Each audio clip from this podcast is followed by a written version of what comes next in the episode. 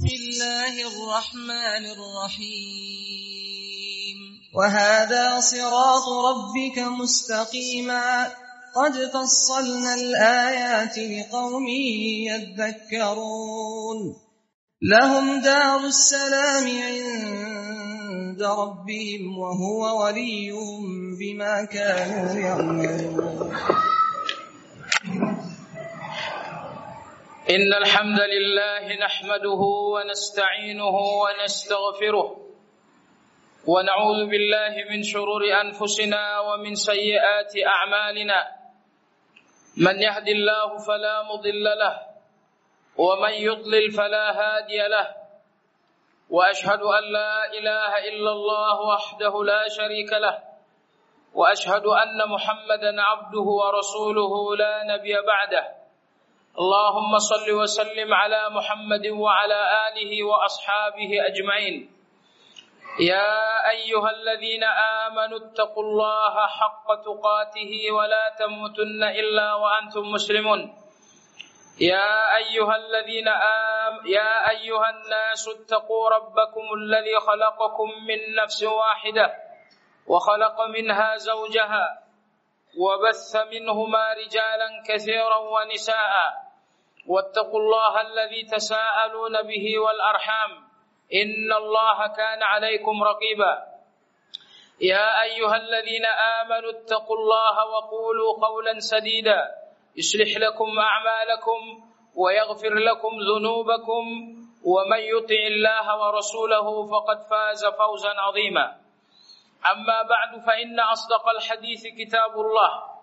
وخير الهدي هدي محمد صلى الله عليه وسلم وشر الأمور محدثاتها فإن كل محدثة بدعة وكل بدعة ضلالة وكل ضلالة في النار. كمسلمين جماعة صلاة الجمعة رحمكم الله. الله سبحانه وتعالى برفرمن أعوذ بالله من الشيطان الرجيم فما ظنكم برب العالمين.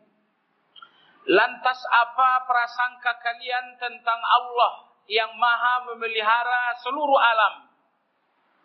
Nabi Musa alaihi salam berprasangka baik kepada Allah, maka Allah membekukan laut, membelah laut untuk keselamatan Musa alaihi salam. Ibrahim alaihi salam berprasangka baik kepada Allah, maka Allah mendinginkan api untuk keselamatan bagi Nabi Ibrahim. Fama dhannukum birabbil alamin. Lantas apa prasangka kita semua tentang Allah, zat yang maha memelihara seluruh alam? Khutbah kita hari ini jamaah sekalian tentang husnuzan kepada Allah Subhanahu wa taala. Pembicaraan tentang tema ini meliputi beberapa poin berikut. Poin yang pertama, definisi husnuzan kepada Allah. Poin yang kedua, keuntungan dan urgensi husnuzan kepada Allah Subhanahu wa taala. Poin yang ketiga, kategorisasi manusia di dalam berhusnuzan kepada Allah. Poin yang keempat, kondisi-kondisi di mana lebih dituntut agar berhusnuzan kepada Allah Subhanahu wa taala. Kaum muslimin rahimakumullah, adapun poin yang pertama, definisi husnuzan. Imam Nawawi rahimahullah taala dalam syarah Sahih Muslim mengatakan Husnuzan kepada Allah adalah zannu rahmatillahi wa maghfirati. Selalu berprasangka baik akan adanya rahmat dan ampunan Allah Subhanahu wa taala. Itulah husnuzan. Dalam keadaan seperti apa pun berprasangka baiklah bahwa Allah Subhanahu wa taala Maha Rahman dan Maha Rahim. Bahwa Allah Maha mengampuni. Allah tidak menamai dirinya dengan Ar-Rahman dan Ar-Rahim kecuali untuk merahmati Anda. Allah tidak menamai dirinya dengan Al-Ghafur, At-Tawwab dan Al-Afu kecuali untuk mengampuni Anda. Allah Subhanahu wa taala tidak menamai dirinya dengan Ar-Razzaq, Al-Karim dan Al-Wahhab kecuali untuk selalu memberi Anda. Allah tidak menamai dirinya dengan Al-Aziz, Al-Qawi kecuali untuk melindungi Anda. Maka jemaah sekalian yang saya hormati, husnuzan kepada Allah artinya definisinya selalu memandang Allah akan berbuat rahmat dan bermaghfirah atau mengampuni. Kemudian poin yang kedua, urgensi dan keutamaan husnuzan. Yang pertama, Husnuzon kepada Allah Subhanahu wa taala merupakan bukti bahwa seseorang betul-betul memiliki kondisi ma'rifat yang baik tentang Allah. Bahwa seseorang benar-benar mengenal siapa Allah Subhanahu wa taala. Karena tidak ada yang mengenal Allah melainkan ia selalu selalu husnuzon kepada Allah dalam setiap keadaan. Husnuzon kepada Allah dalam keadaan-keadaan baik, husnuzon pula kepada Allah dalam keadaan-keadaan buruk. Maka husnuzon tidak mungkin menempati jiwa seseorang kecuali disebabkan karena indahnya kondisi ma'rifat dan pengenalan dalam jiwa tersebut tentang Allah Subhanahu wa taala. Maka apabila Anda tidak memahami, tidak mengetahui kondisi ma'rifat dan pengenalan Anda tentang Allah, maka lihatlah husnuzon Anda kepada Allah dalam segala keadaan-keadaan hidup. Apabila Anda selalu melihat Allah dengan husnuzon dalam keadaan-keadaan baik maupun dalam keadaan-keadaan buruk, maka bersyukurlah karena husnuzan selalu membuktikan bahwa seseorang benar-benar mengenal Allah Subhanahu wa taala. Kemudian urgensi dan keutamaan husnuzan kepada Allah yang kedua, bahwa husnuzan penyebab seorang hamba bertawakal kepada Allah. Ulama-ulama kita mengatakan bahwa separuh agama ini adalah tawakal. Allah berfirman, "Iyyaka na'budu wa iyyaka nasta'in." Imam Ibnu Qayyim rahmatullah mengatakan, dalam ayat ini Allah membagi agama ini ke dalam dua kategori. Na'budu ibadah. Dan yang kedua nasta'in tawakal. Maka orang yang bertawakal berarti telah menjalankan separuh agama. Namun tidak ada jalan bagi siapa pun untuk bertawakal kecuali husnuzan kepada Allah. Kenapa orang yang sakit bertawakal untuk kesembuhan? Karena husnuzan Allah akan memberikan kesembuhan. Kenapa orang yang terzalimi bertawakal kepada Allah untuk mendapatkan keadilan? Jawabannya karena husnuzon Allah akan memberikan keadilan. Kenapa orang yang dalam kesulitan dan kesusahan bertawakal kepada Allah? Jawabannya karena husnuzon Allah akan memberikan kelapangan dan kemudahan. Maka tawakal adalah buah dari husnuzon kepada Allah. Kemudian keuntungan dan urgensi husnuzon yang ketiga bahwa husnuzon penyebab seseorang diampuni oleh Allah Subhanahu wa taala. Dalam hadis Hasan yang diriwayatkan oleh Imam Turmuzi dari Anas bin Malik radhiyallahu an. Allah tabaraka wa taala berfirman dalam hadis qudsi, "Ya ibn Adam, innaka ma da'awtani wa rajautani, ghafartu laka ala ma kana minka wa ubali." Wahai anak Adam, sepanjang engkau berdoa kepadaku dan sepanjang engkau penuh harap kepada aku, akan kuampuni dosa masa lalumu dan aku tidak mau tahu sebesar apa pun itu dosa-dosamu. Dalam ayat ini kegembiraan disampaikan Allah dalam hadis Qudsi. Bahwa Allah tidak mau tahu sebesar apa dosa masa lalu kita.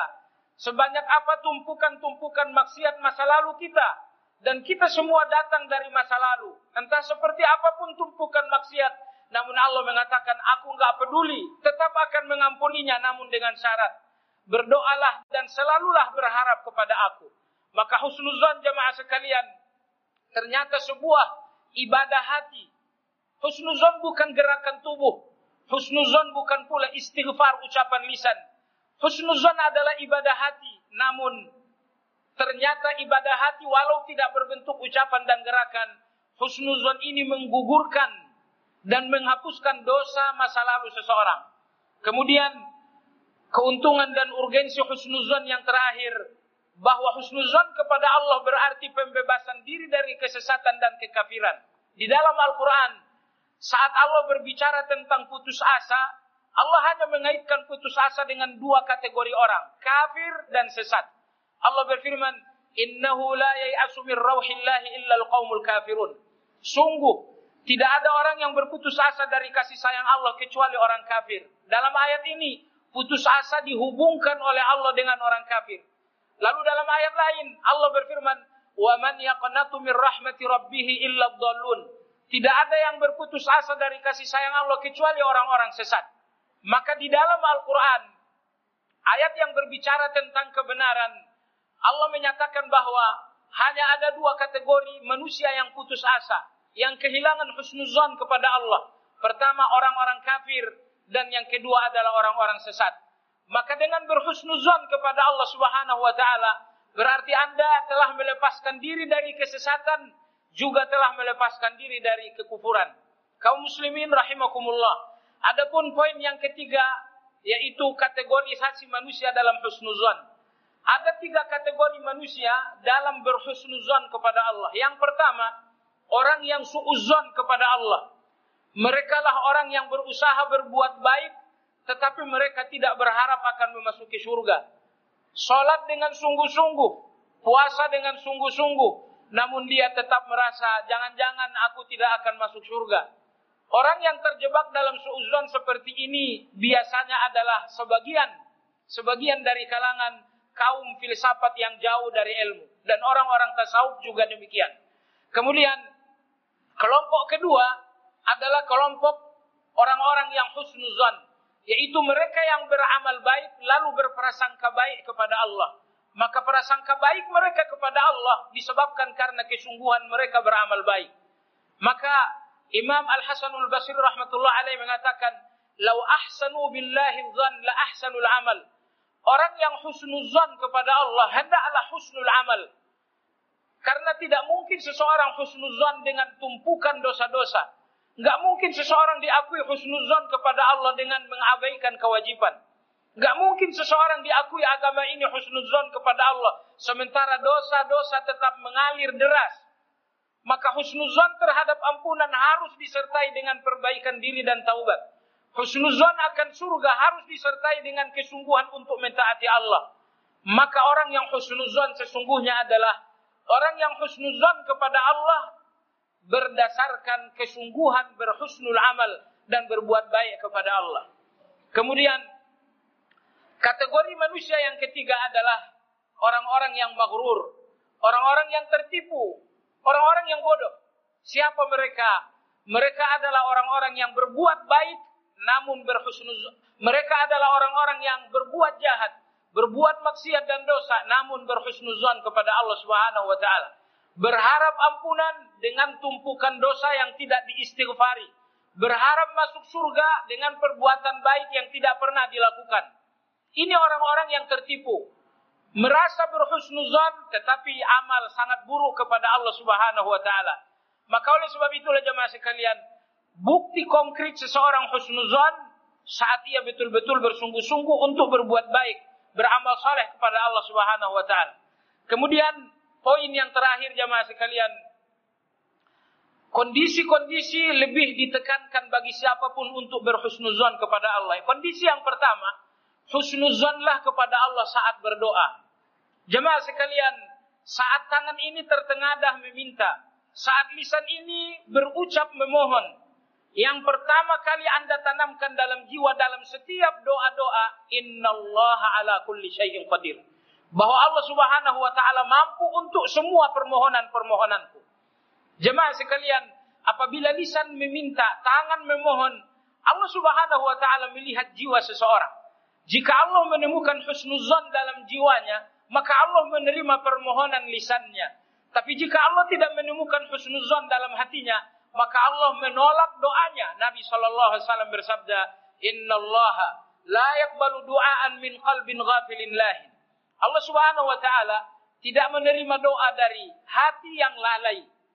Maka oleh sebab itu jemaah sekalian, berdoalah dengan hati sebelum Anda berdoa dengan lisan. Andalkan atau gunakan husnuzon kepada Allah dalam hati sebelum akhirnya lisan ini bergerak untuk menyampaikan permohonan kepada Allah. Maka jemaah sekalian, sebagian orang ngerasa bahwa dia punya keinginan-keinginan yang menurutnya terlalu berlebihan untuk dirinya. Lalu akhirnya dia berhenti untuk berdoa. Jemaah sekalian ini kekeliruan yang buruk. Sebesar apa pun keinginan anda namun itu kecil bagi yang maha besar. Sesulit apa pun persoalan anda namun itu mudah bagi yang maha memudahkan. Maka jangan pernah melihat keinginan anda besar karena yang akan memberi adalah yang maha besar. Jangan pernah melihat keinginan Anda susah karena Allah yang Anda minta kepadanya adalah zat yang maha memudahkan. Tidak ada yang sulit bagi yang maha memudahkan. Tidak ada yang besar bagi yang maha besar. Kuatkan harapkan, kuatkan harapan, kokohkan optimisme, berdoalah dengan husnuzon kepada Allah Subhanahu wa taala. Lihatlah Musa alaihi salam dalam pengejaran tentara Firaun. Dari belakang tentara di depan lautan terhampar, mata yang memandang, logika yang berpikir tidak menemukan solusi selamat untuk Musa. tetapi Musa alaihissalam husnuzon kepada Allah. Maka Allah membekukan laut. Allah membekukan laut. Allah membelah laut untuk keselamatan Nabi Musa alaihissalam. Husnuzon kepada Allah adalah karena Allah, bukan karena fakta-fakta konkret. Dalam arti kata, seorang yang pesakitan husnuzon akan sembuh setelah melihat kemampuan dokter. Ini bukan husnuzon kepada Allah, tetapi husnuzon terhadap fakta-fakta realistis. Adapun husnuzon kepada Allah, ketika Anda husnuzon kepada Allah saat mata tidak memandang solusi, saat logika tidak menemukan jalan keluar, hanya ada satu Allah. Saya tahu Allah, Allah Ar-Rahman. Allah ala kulli syai'in qadir. Tidak ada yang sulit baginya yang maha memudahkan. Tidak ada tidak ada yang besar baginya yang maha besar. Saat Anda husnuzon seperti ini kepada Allah, ini husnuzon yang sesungguhnya. Maka yang pertama husnuzonlah kepada Allah dalam setiap Anda berdoa. Lalu kemudian kondisi kedua di mana lebih dituntut untuk berhusnuzon adalah saat Anda istighfar, saat Anda bertaubat. Jemaah sekalian, siapakah dia di antara kita yang tidak memiliki dosa? Allah Subhanahu wa taala tidak memiliki hikmah untuk kita hidup penuh sakral tanpa dosa, hidup dengan sebuah kekudusan mutlak tidak. Allah tidak menciptakan manusia dan menyiapkan manusia untuk hidup suci tanpa dosa. Tetapi jemaah sekalian, yang terbaik dari orang berdosa adalah mereka yang penuh tawaduk, bersimpuh di hadapan Allah, meminta ampunan dan maghfirah Allah dan saat Anda betul-betul bersimpuh mengharapkan maghfirah, meminta ampunan karena tidak ada keselamatan dunia dan akhirat tanpa ampunan. Saat itu jemaah sekalian, kuatkan husnuzon kepada Allah Subhanahu wa taala. Jemaah sekalian, Nabi kita bercerita tentang seorang laki-laki berdarah pembunuh berdarah dingin, membunuh seratus orang. Tetapi kemudian dia memperoleh jawaban dari seorang ulama. Setelah membunuh seratus orang dia bertanya, adakah ada taubat untuk pembunuh berdarah dingin seperti aku? Aku membunuh banyak orang, bahkan sebagian di antaranya tanpa salah. Namun tetap aku bunuh. Namun ulama ini mengatakan, "Waman yamna'uka min taubatillah?" Siapa yang menghalangimu dari ampunan Allah? Subhanallah. Laki-laki ini membunuh seratus nyawa secara zalim tanpa alasan yang syar'i. Namun Allah mengampuni laki-laki ini. Saya yakin kesalahan saya dan kesalahan Anda tidak sebesar laki-laki ini. Kita bukan pembunuh sejumlah seratus nyawa. Namun demikian jamaah sekalian, husnuzonlah kepada Allah Subhanahu wa taala. Saat Anda akan mengakui seluruh kesalahan ini depan Allah, katakanlah kepada Allah, "Ya Allah, Nabimu bercerita bahwa engkau telah memaafkan seorang pembunuh berdarah dingin yang melakukan pembantaian sebanyak seratus nyawa. Maka berikanlah ampunan untukku yang sesungguhnya aku tidak melakukan sebesar itu. Jemaah sekalian, kondisi ketiga lebih dibutuhkan untuk berhusnuzon adalah dalam kondisi musibah. Sesulit apa pun hidup, sepahit apa pun, sepahit apa pun fitnah, Sesakit apa pun sakit, tetapi husnuzonlah kepada Allah Subhanahu wa taala. Karena jemaah sekalian, seseorang akan keluar dari kesulitan dengan husnuzonnya kepada Allah Subhanahu wa taala. Kesulitan ini makin sulit dengan suuzon, tapi kesulitan ini akan terasa ringan dengan husnuzon. Allah menempatkan kita dalam sebuah kesulitan, apa pun bentuk kesulitannya, untuk Allah menguji jiwa kita, Mampukah kita bangkit, tetap tegar, melihat keadaan dengan husnuzon kepada Allah Subhanahu wa taala. Yakub alaihi salam terpisah dengan anak paling disayang Yusuf alaihi salam. Maka setelah 40 tahun terpisah, ini dalam catatan Ibnul Jauzi dalam Sayyidul Khatir. Lalu kemudian Nabi Yusuf akhirnya mengirimkan pakaian kepada ayahnya Yakub bahwa mereka akan bertemu. Yakub saat akan bertemu dengan Yusuf beliau mengatakan, Alam aqul lakum inni a'lamu minallahi ma la ta'lamun. Wahai kalian semua anak-anakku saudara Nabi Yusuf. Selama aku menangis sampai buta merindukan Yusuf. Kalian selalu mengatakan bahwa pertemuanku dengan Yusuf adalah sebuah kemustahilan. Tetapi aku tahu siapa Tuhanku. Aku tahu siapa Allah. Dari dahulu walau dengan air mata terus mengalir. Bahkan sampai mata ini buta. Namun aku tetap berhusnuzon akan pertemuanku dengan Yusuf. Maka saat bertemu dengan Yusuf, Ucapan pertama Yakub, alam akul lakum inni a'lamu minallah. Mala ta'lamun. Bukankah selama ini aku selalu, selalu mengatakan kepada kalian bahwa Allah akan membuat pertemuanku dengan Yusuf, anakku.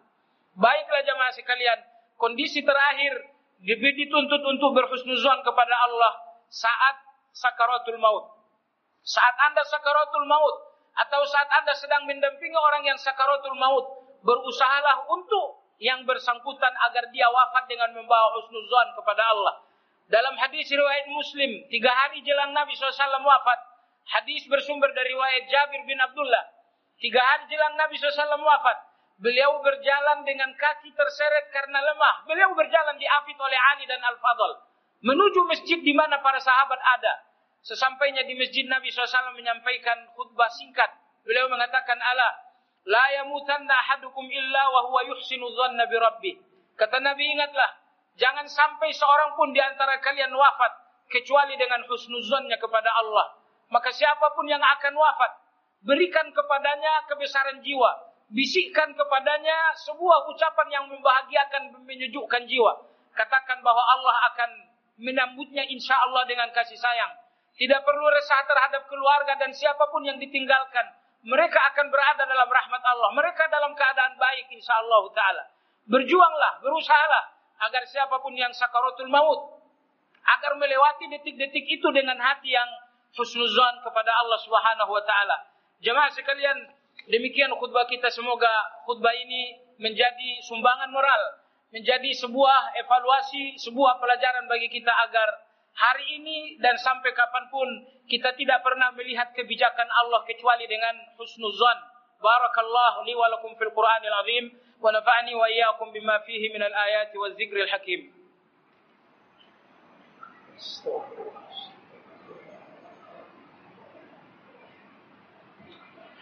الحمد لله حمدا كثيرا طيبا مباركا فيه كما يحب ربنا تبارك وتعالى ويرضى. وأشهد أن لا إله إلا الله وحده لا شريك له. وأشهد أن محمدا عبده ورسوله لا نبي بعده. اللهم صل وسلم على محمد وعلى آله وأصحابه أجمعين. يا أيها الذين آمنوا اتقوا الله ولتنظر نفس ما قدمت لغد واتقوا الله إن الله خبير بما تعملون. Di antara keistimewaan hari Jumat bahwa Nabi SAW bersabda bahwa pada hari Jumat ada satu saat, ada sebuah waktu mustahil seseorang berdoa pada waktu itu kecuali dikabulkan oleh Allah Subhanahu wa taala. Lalu Abu Hurairah radhiyallahu anhu menjelaskan bahwa waktu mustajab tersebut berada di akhir hari Jumat. Saat matahari akan terbenam, Abu Hurairah memberikan penjelasan. Apabila matahari akan terbenam, masuklah ke masjid, lakukan salat dua rakaat, lalu kemudian berdoalah sampai matahari terbenam. Jemaah sekalian yang saya hormati, apa pun kesulitan, apa pun masalah, namun doa adalah solusi. Sepanjang ada doa, hentikan untuk terlalu bersedih. Hentikan untuk menatap hidup ini dengan pesimisme. Lihatlah hidup ini dengan penuh harapan. Solusi Anda doa. Sepanjang ada doa, sepanjang itu insya Allah selesai, masalah akan selesai. اللهم صل على محمد وعلى آل محمد كما صليت على آل إبراهيم إنك حميد مجيد. اللهم بارك على محمد وعلى آل محمد كما باركت على آل إبراهيم إنك حميد مجيد. اللهم أعز الإسلام والمسلمين ودمر أعداءك أعداء الدين واخذل الكفرة والمبتدعة والمشركين وآل كلمتك إلى يوم الدين يا أرحم الراحمين. اللهم اغفر للمسلمين والمسلمات والمؤمنين والمؤمنات الأحياء منهم والأموات إنك سميع قريب مجيب الدعوات. ربنا هب لنا من أزواجنا وذرياتنا قرة أعين واجعلنا للمتقين إماما.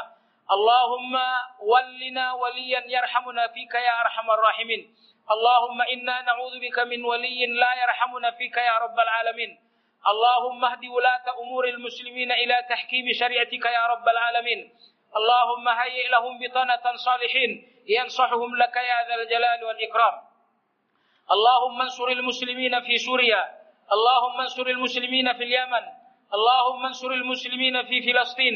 اللهم انصر المسلمين المظلومين أينما كانوا. إنك على كل شيء قدير. اللهم أرنا الحق حقا وارزقنا اتباعه. وأرنا الباطل باطلا وارزقنا اجتنابه. وصلى الله على محمد وعلى آله وصحبه أجمعين. والحمد لله رب العالمين.